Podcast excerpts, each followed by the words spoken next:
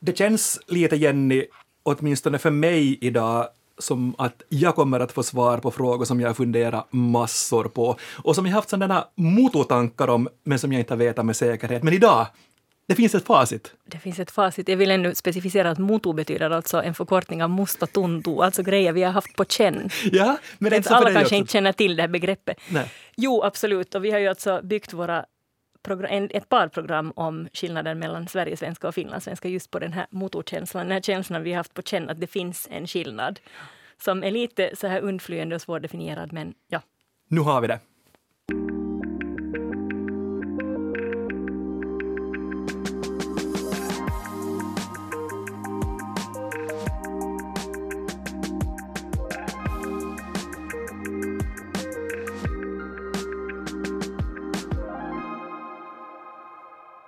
Näst sista ordet är tillbaka med mig, Jens Berg och språkexperten Jenny Sylvin. Hej.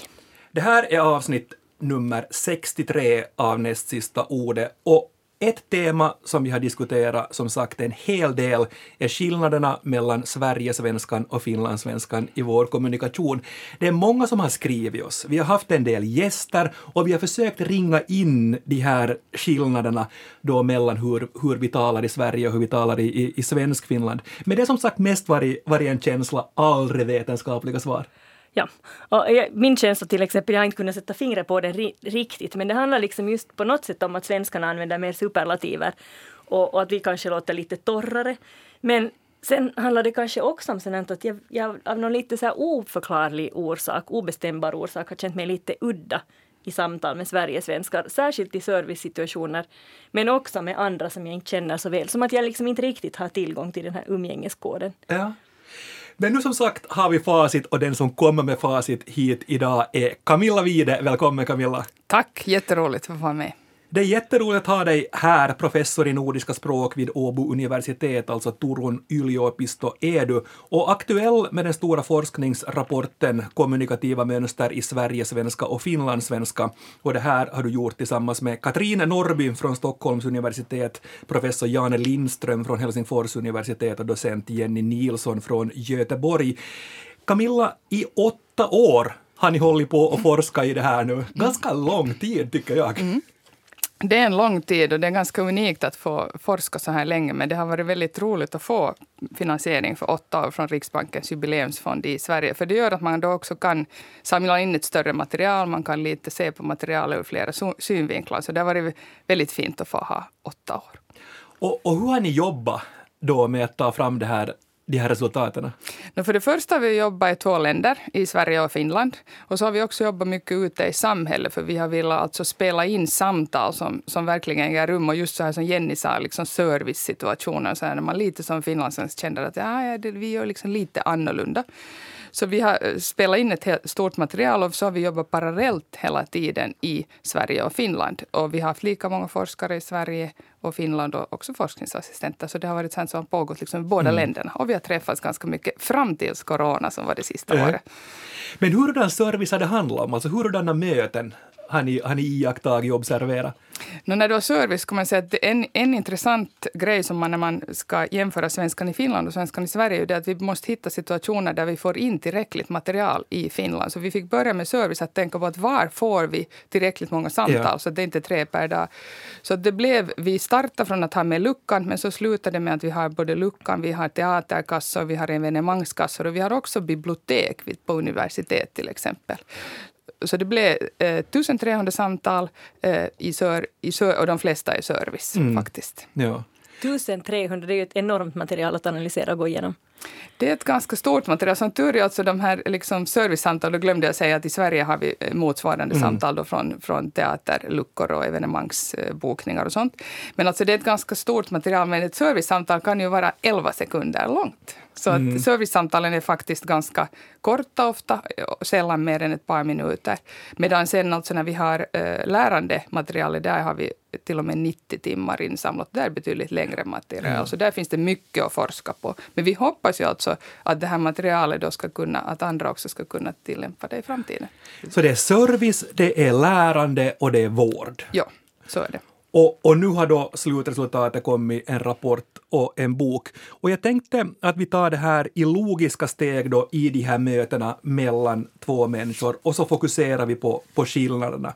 Hur säger, hur gör en Sverigesvensk och hur gör en finlandssvensk?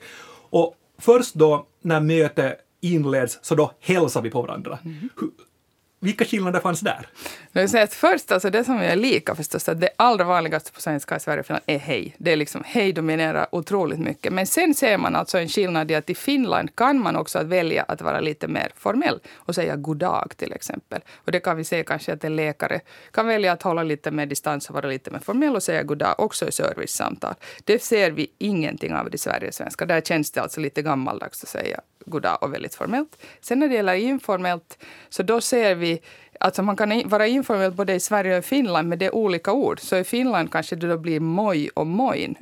Och I Finland är man kanske informell när man plötsligt ser att man känner personen. I Sverige är det kanske mer informellt i själva situationen. Så särskilt när man beställer biljetter till eh, fotbollsmatcher så kan man säga tjena eller hallå när man alltså jobbar på, på en biljettkassa. Så vi ser mer en sån här liksom, eh, personlig informell stil i Finland ibland medan i Sverige är det kanske liksom också i den här yrkesrollen. Ja. Men sånt vill man alltså köra med ett säkert kort i Sverige och inte helt koll, har, inte har koll på alla nyanser så då går hej alltid bra. Det gör det. Hej är alltså alltid ett säkert kort på svenska. Men, men kan, man, kan man Camilla säga att vi finlandssvenskar är snäppet mera formella än Sverigesvenskar i vår kommunikation överlag? Alltså man kunde säga så att finlandssvenskar kan... Vi har, det som vi ser i det här programmet är att det finns en liksom bredare skala. Man kan vara ganska informell i Finland, man kan hålla sig i mitten som i Sverige, men så kan man också välja att vara formell. Så att, att om man ställer de här två varieteterna bredvid varandra så förekommer det mer formella situationer i Finland. Men vi kan också ibland vara... Alltså de som forskar med oss sa att ibland tyckte de att vi är jätteinformella i Finland. Så det finns liksom bredare skala i Finland. Men det stämmer nog, formaliteten hittar man mer här på den här sidan av viken. Men det var en så rolig, rolig sån här observation som jag gjorde när jag läste er bok. Att det, det, först kom det ett sånt ganska vanligt hej.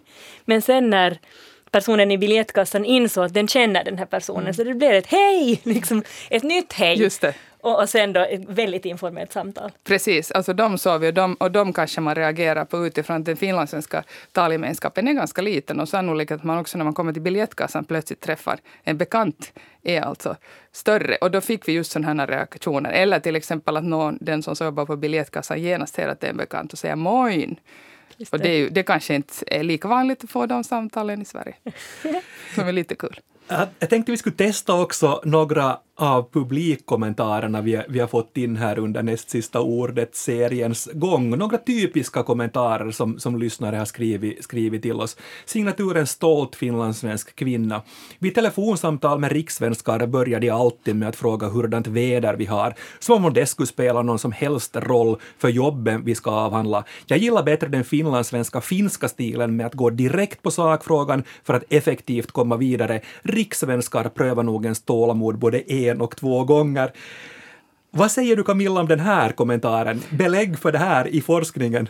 Ja, så jag tycker att den här kommentaren är jättebra och den fångar alltså en sån här ideal som man har i Finland, eller det som man förväntar sig att man vill tala om sak. Och det, hade, det har man alltså också bekräftat i tidigare studier att det finns en så här, man ser på företag mellan, som har liksom verksamhet i Sverige och Finland så ser man att man i Finland liksom är väldigt sakfokuserad. Och det såg vi Särskilt kanske i lärandesamtalen som vi har, där man då handleder studenter. Så då finns det en förväntan, alltså både hos handledaren studenterna att man talar om sak. Medan i Sverige är det helt klart så att man också ska, i det här samtalet ska man sköta de här sociala relationerna och framförallt är det viktigt att kanske också tona ner handledarens roll. Men, men alltså om man själv är handledare så vet man att en student kan också i Finland bli lite missnöjd om inte får höra liksom sak och vad man ska rätta och mm. vad som är fel. Och där finns en klar, precis det här som sägs ja. i det här liksom, citatet. No, nu har vi då hälsat på varandra och så ska vi då inleda ett samtal. Vi kan ta exempelvis då från en, från en biljettkassa. Hur, vilka, vilka var skillnaderna där, när man liksom då inleder efter att man har hälsat? No, det man ser liksom när vi såg sen på de här mer övergripande äh, mönstren är att man i, i Finland när man är kund så kan man alltså eh, komma fram och, och liksom formulera sig så att man är lite osäkrare. Som om man inte vet om det finns biljetter. Så man kan till exempel säga finns det biljetter trots att det är ganska uppenbart att det antagligen finns biljetter. Så då använder man en sån konstruktion för att markera att man inte liksom garderar sig för att, att, att inte få ett positivt svar. Man lämnar lite för den andra att säga att nej, det finns inte biljetter. Men det används helt enkelt också som en sån här, att liksom markera att man inte är lika jag vet inte, framfusig eller man mm. liksom håller sig liksom lite i, på distans. Det, det mönstret ser vi. Och, att man i Sverige då kanske inte har det här utan man kan komma och säga jag vill, jag vill hämta mina biljetter. Men det där tycker jag är jätteintressant. Där skulle alltså min moto, alltså min maggropskänsla skulle ha sagt någonting annat, att vi finlandssvenskar är mera direkta. Men sen funderar jag på det här till exempel, jag funderar på finskans konditionalis, att halua i sin. Och det är ju en mm. liten inlindning i sig, det är inte så här mm. haluan, utan, och detta undrar jag om inte man för halua i sin översätts rakt av som jag skulle vilja köpa biljetter. Och jag undrar om inte den, helt, helt enkelt den här grammatikaliska översättningen spelar en viss roll. Alltså absolut, och jag tror att det som kanske eh, spelar ännu större roll är på något sätt det som man uttrycker med de här grammatiska konstruktionerna. Det du just sa var ett jättebra exempel på att man, man i Finland använder lite mer sådana konstruktioner som är dåtid. Så då skapar man en distans i tid och med en sån distans i tid så skapar man också alltså en distans i sociala relationer. Så den kopplingen ser man mellan svenska och finlandssvenska. Sen var det intressant att i vissa konstruktioner så det är inte så att det är ett ett till ett förhållande mellan finska och finlandssvenska utan det är mer den här övergripande tendensen. Men sen i vissa finns det helt liknande. Så att om man säger jag hade biljetter beställda så har man på finska mulla oli varattuna lippuja. Mm. Och där är det liksom helt, och då talar man om liksom att det är inte så att man kommer säga att jag ska hämta mina biljetter utan man talar om det lite så här som liksom distanserat. Det finns ett tillstånd. Jag har det biljetter beställda. Jätteintressant. Alltså faktiskt. Men, men det stämmer nog det där också att, att att man kan säga så att no, jag, skulle ha, jag, jag skulle ha läst ut mina biljetter. Vad då skulle ha läst ut mina biljetter? ja, alltså det är ju ett som man upplever som alltså direkt blir missförstånd i Sverige. För jag skulle ha löst ut betyder alltså att jag tänkte lösa ut ja. dem, hämta dem. Men så hände någonting och jag gjorde inte. Så det, det är en konstruktion som faktiskt är helt liksom, väldigt trevlig att använda i Finland men som kan missförstås alltså direkt av Sverigesvenska. Nåja, nu har vi då hälsa och vi har inlett samtalet och vi kommer till själva innehållet i samtalet och också till det som kan bli det svåra.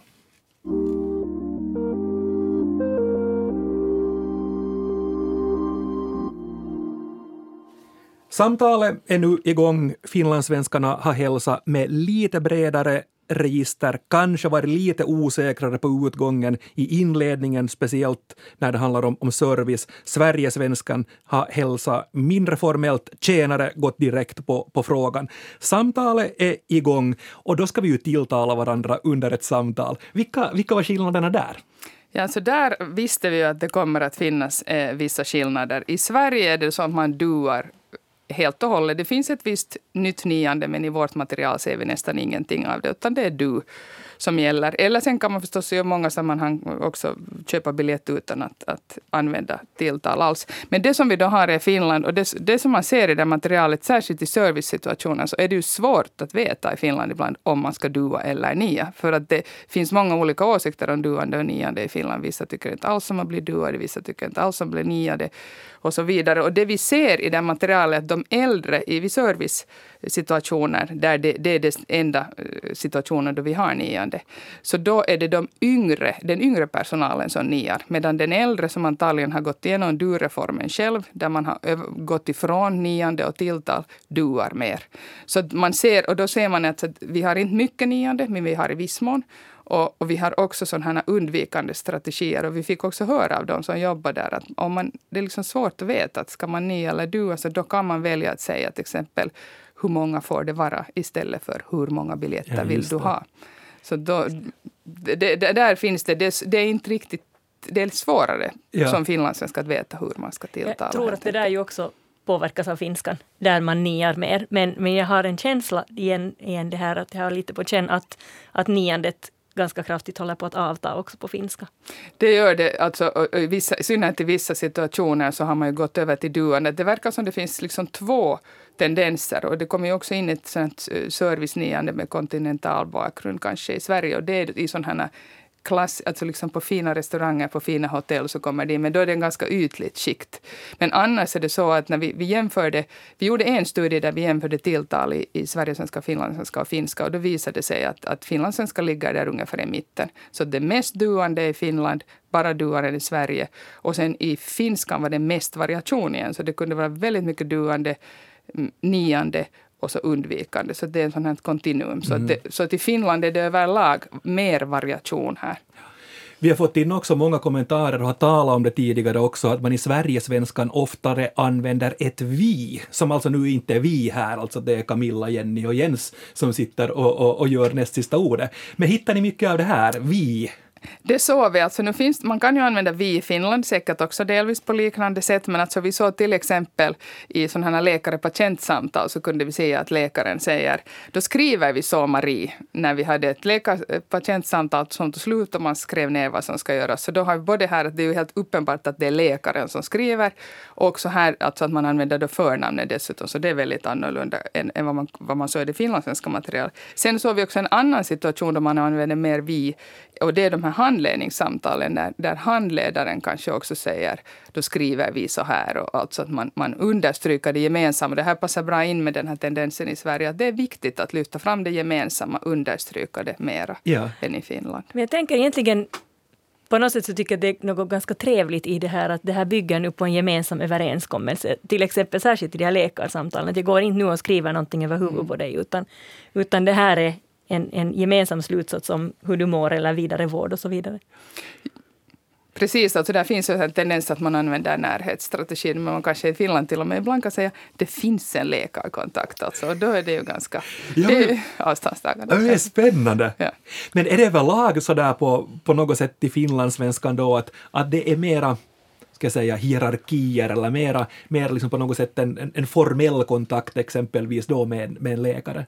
Alltså, de när vi såg på de här läkar-patientsamtalen så kan man säga att det var vissa som var, var mer liksom, eh, undviker tilltal medan, medan de flesta ju har kanske liknar det svenska systemet. Men att skillnaden är den att det är lite mer du i Sverige än vad det är i Finland.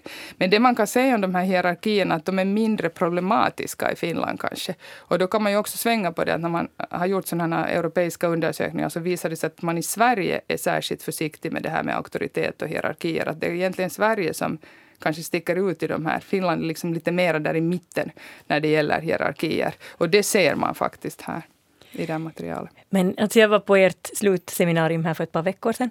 Och där fanns det, det var till exempel när ni beskrev just i handledningssamtalen så sa du, tror jag, eller var det Katrin, alltså en av de andra forskarna, som sa att de här handledningssamtalen när de visades eller spelades upp i Sverige så var det flera som reagerade så att, men eh, tycker de inte om varandra? Eller liksom, finns här något otalt mellan dem när de låter så på något sätt lite, inte nu kanske direkt aggressiva, men väldigt avståndstagande?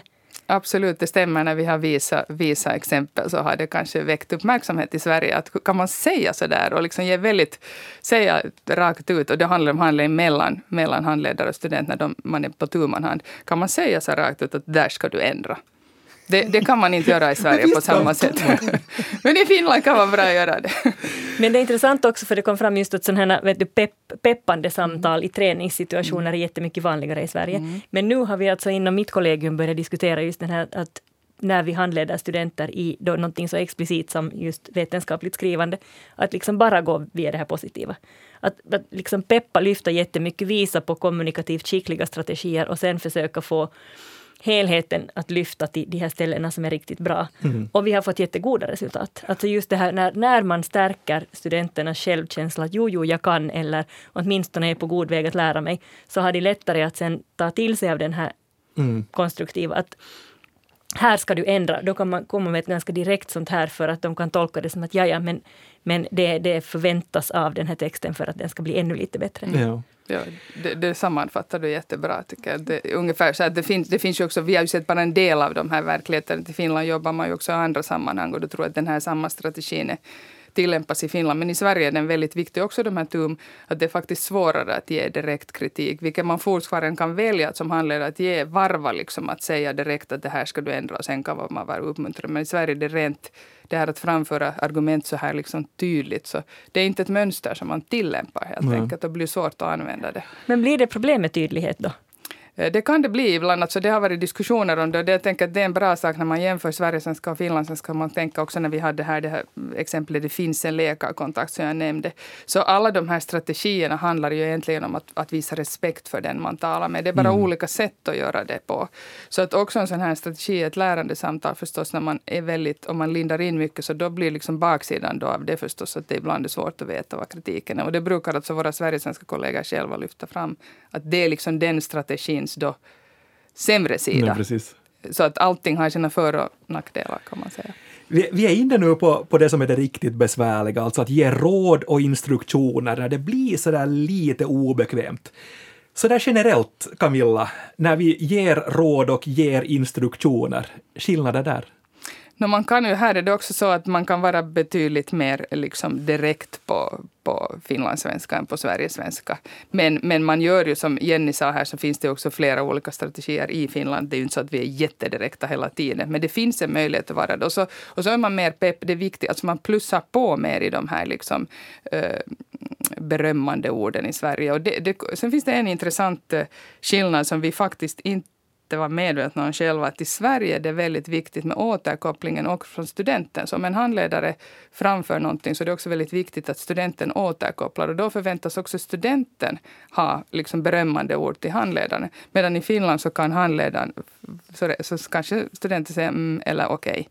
Men vad säger man i Sverige då? Vad, vad där kan det vara liksom absolut eller men det där är ju jättebra. Och alltså man, man visar liksom öms, ömsesidigt att man uppskattar det som sägs där. Medan då liksom i Finland det, det är ganska sådär liksom sakfokuserat som vi sa tidigare. Men jag läste här i den här boken att det till och med fanns liksom exempel på men gud vad bra! Ja, och, och, det tycker jag ju låter Men vad skulle du säga Jenny om någon, säger, någon student säger till dig när du säger att hej, sätt nu semikolon där?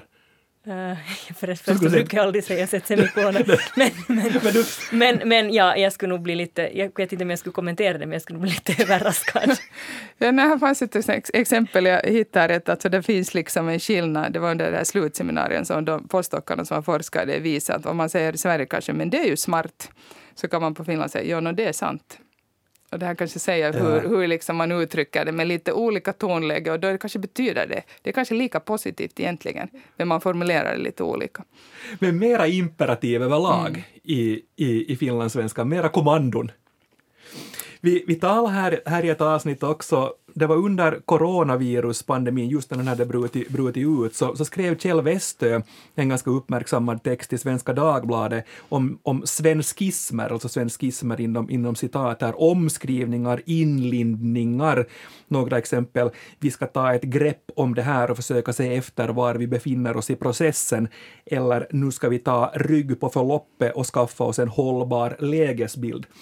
Svenskismer så är ju någonting som kanske inte förekommer i forskningen, men känner du igen de här uttrycken, Camilla, från, från det ni har gjort? Absolut, jag försökte hitta här och jag hittade en sån här då från ett handledningssamtal där, där handledaren säger så här, det där tror jag att man måste komma åt, att inte man ska skriva mer komplicerat. Och en finlandssvensk handledare säger, du gör det för komplicerat. Punkt. Så det, man ser en sån, det, det, här är absolut en sån här eh, liksom, klart vänster.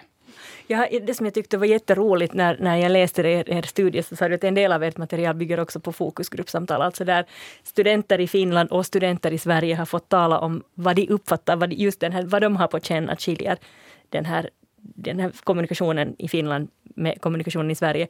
Och den stämde både, både ganska väl överens med väl kanske också era så att säga förutfattade meningar, men även för, förvånansvärt väl också överens med era faktiska resultat sen ändå. Ja, det är ju det som är spännande, att man ser det här är mönster som alltså vi är medvetna om. Vi kanske inte eh, tänker på dem, men de liksom sitter i kulturen och vi blir inkultur... Jag vet inte vad det rätta ordet är på svenska, men alltså man växer in i de här mönstren och det är de man förväntar sig. Och sen när man börjar prata om dem, så då märker man att ja, men just det, så här är det, så här är det. Och så märker man ju dem väldigt bra just så där som Jenny sa här i, i början, alltså att man känner sig lite obekväm. Att Det är liksom någonting som man inte riktigt gör på samma sätt i Sverige. Och det är ju sådana här mönster. Och därför är det också tänker jag, ganska viktigt också i Finland att tänka att trots att vi då liksom på sätt och vis kan själva tycka att vi är liksom burdusa och rakt på sak, så är det också sådana mönster som vi växer in i. Och de fungerar i det här sammanhanget. Och, då, och det finns andra markörer för att visa hövligheten i Sverige. Mm. Så man måste, det egentligen är det olika. Så det som blir liksom förstås en sån här balansakt när man då möts mellan de här varieteterna. Att hur ska man då göra när vi är lite olika? Men överlag det där, vi har fått in många kommentarer också om, om, om, om vänligheten i, i, i Sverige och, och mera berömmande, så det kan vi liksom sätta, det är sant, det är så, att det är mera berömmande och vänliga, vänliga ord. Det stämmer, man plussar alltså på, om man ser det helt konkret, att om vi säger liksom bra så säger man guld värt och härligt, snyggt, kanon. Så det är liksom mycket, mycket liksom mindre, eh, hur ska man säga, positiv liksom laddning i de här finlandssvenska orden. Det är det. Sen ska vi då, vi ska avsluta samtalet också. Vi har, vi har hälsa och vi har snackat, vi har tilltalat varandra och vi har gett råd och instruktioner. Fanns det skillnader sen när man tar avsked?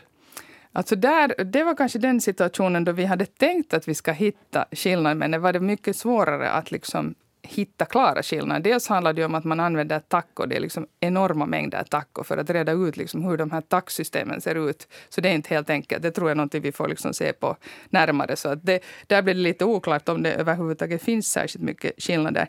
Eh, men det här är ett, ett område där vi behöver forska mera och se om det finns. Alltså mm. det, var, det, var inte, det var inte lika klart som på många av de här andra punkterna. Nej. Riktigt, riktigt kort, en grej som överraskar dig Jenny och en grej som överraskar dig Camilla? Ja, alltså jag, mig överraskar nog det här med direktheten. Alltså. Fast nu när man börjar liksom att gräva i det så är det ganska självklart. att Jag hade nog också för, för, kanske den här liksom föreställningen att vi i Finland kommer till biljettkassan och säger jag ska ha de här biljetterna. Alltså det, det, det, att det är mer komplext, att det liksom finns olika... Liksom det går lite kors. Vi är direkta ibland och indirekta ibland i båda länderna. Det, det, var inte, det hade jag inte kanske tänkt att riktigt Nej. så ut så här. Jenny, en Nej, men jag håller med. Alltså, ja. min, min, den som överraskade mig också skulle jag säga att var den här bredden. Just att, att ibland informellt och ibland formellt. Och, och vad är det som styr när man väljer vilket? Nej. Nej, och, sen, och sen kanske överlag det där att vi finlandssvenskar spelar med ett bredare register överlag. Allt från det riktigt, riktigt informella till det superformella. Tack och goddag, adjö. Och så. Ja, det var, det var också faktiskt en alltså, som var sådär liksom att, att se det, att vi, vi har en lite större skala och gör också att det är kanske lite svårare i Finland att, att veta vad som är rätt, för mm. att det finns flera möjligheter. Som avslutning på varje sändning så plockar vi ju fram det bortglömda ordet. Ett ord på svenska vi tycker att kunde användas mera och idag är det spännande igen för det är du Camilla som har tagit med dig ett ord. Vad har du tagit med dig? Ja, alltså jag skulle vilja lyfta fram då, uh, ordet fränka för att jag talar isländska som andraspråk och där finns ett väldigt bra ord som är franka som man alltså använder när man talar om, om kvinnliga släktingar. Och det kan egentligen, tror jag, isländska idag vara, gälla egentligen vilka släktingar som helst och det är väldigt praktiskt att ha det. Och det då, då har man franka och fränti och då kunde man i svenskan ha fränka och frände så behöver man inte förklara, gå in på detalj vilken, Nej, exakt. vilken typ av släkting Men det är ett jättepraktiskt ord. Alltså, kunde du igen alltså... no, Jag har hört det i en ramsa som, som min farmor läste upp för mig när hon knäppte knappar. Så här, enka, fränka, fröken, fru. Och det är liksom egentligen samma ramsa som pappilukkari, talonpojka, kuppari på finska. Där man då, och jag tror att det är för att hålla ungarna stilla när man klär på dem. Men en fränka, alltså det kan ju till exempel då vara, ska jag dra till med, småkusinens flicka, att hur ska man kalla henne? Så det kan vara en fränka. Ja, precis, då är det jättebra ja. att säga fränka. I Östnyland säger man ludikusin. Just det, det är också ett jättebra uttryck. Men jag säger att fränka låter lite mer värdig. Det är ganska fint. Alltså det där är ju ett lysande ord, det där ska jag börja använda. Fränka. Tack Camilla Wide för att du besökte oss idag. Tack så jättemycket för att jag fick komma hit. Det var jätteroligt. Ja, det var jätteroligt. Och nu blir det liksom den här tackgrejen igen här, hur mycket vi ska tacka hit och, hit och dit. Men tack för alla kommentarer. Fortsätt att skriva till oss på nastsistaordet yle.fi. Undrar du till exempel varifrån ett ord kommer eller varför vi använder olika uttryck? Skriv till oss, vi tar reda på. Men nu för denna veckan säger Jenny och Jens morgens. morgens.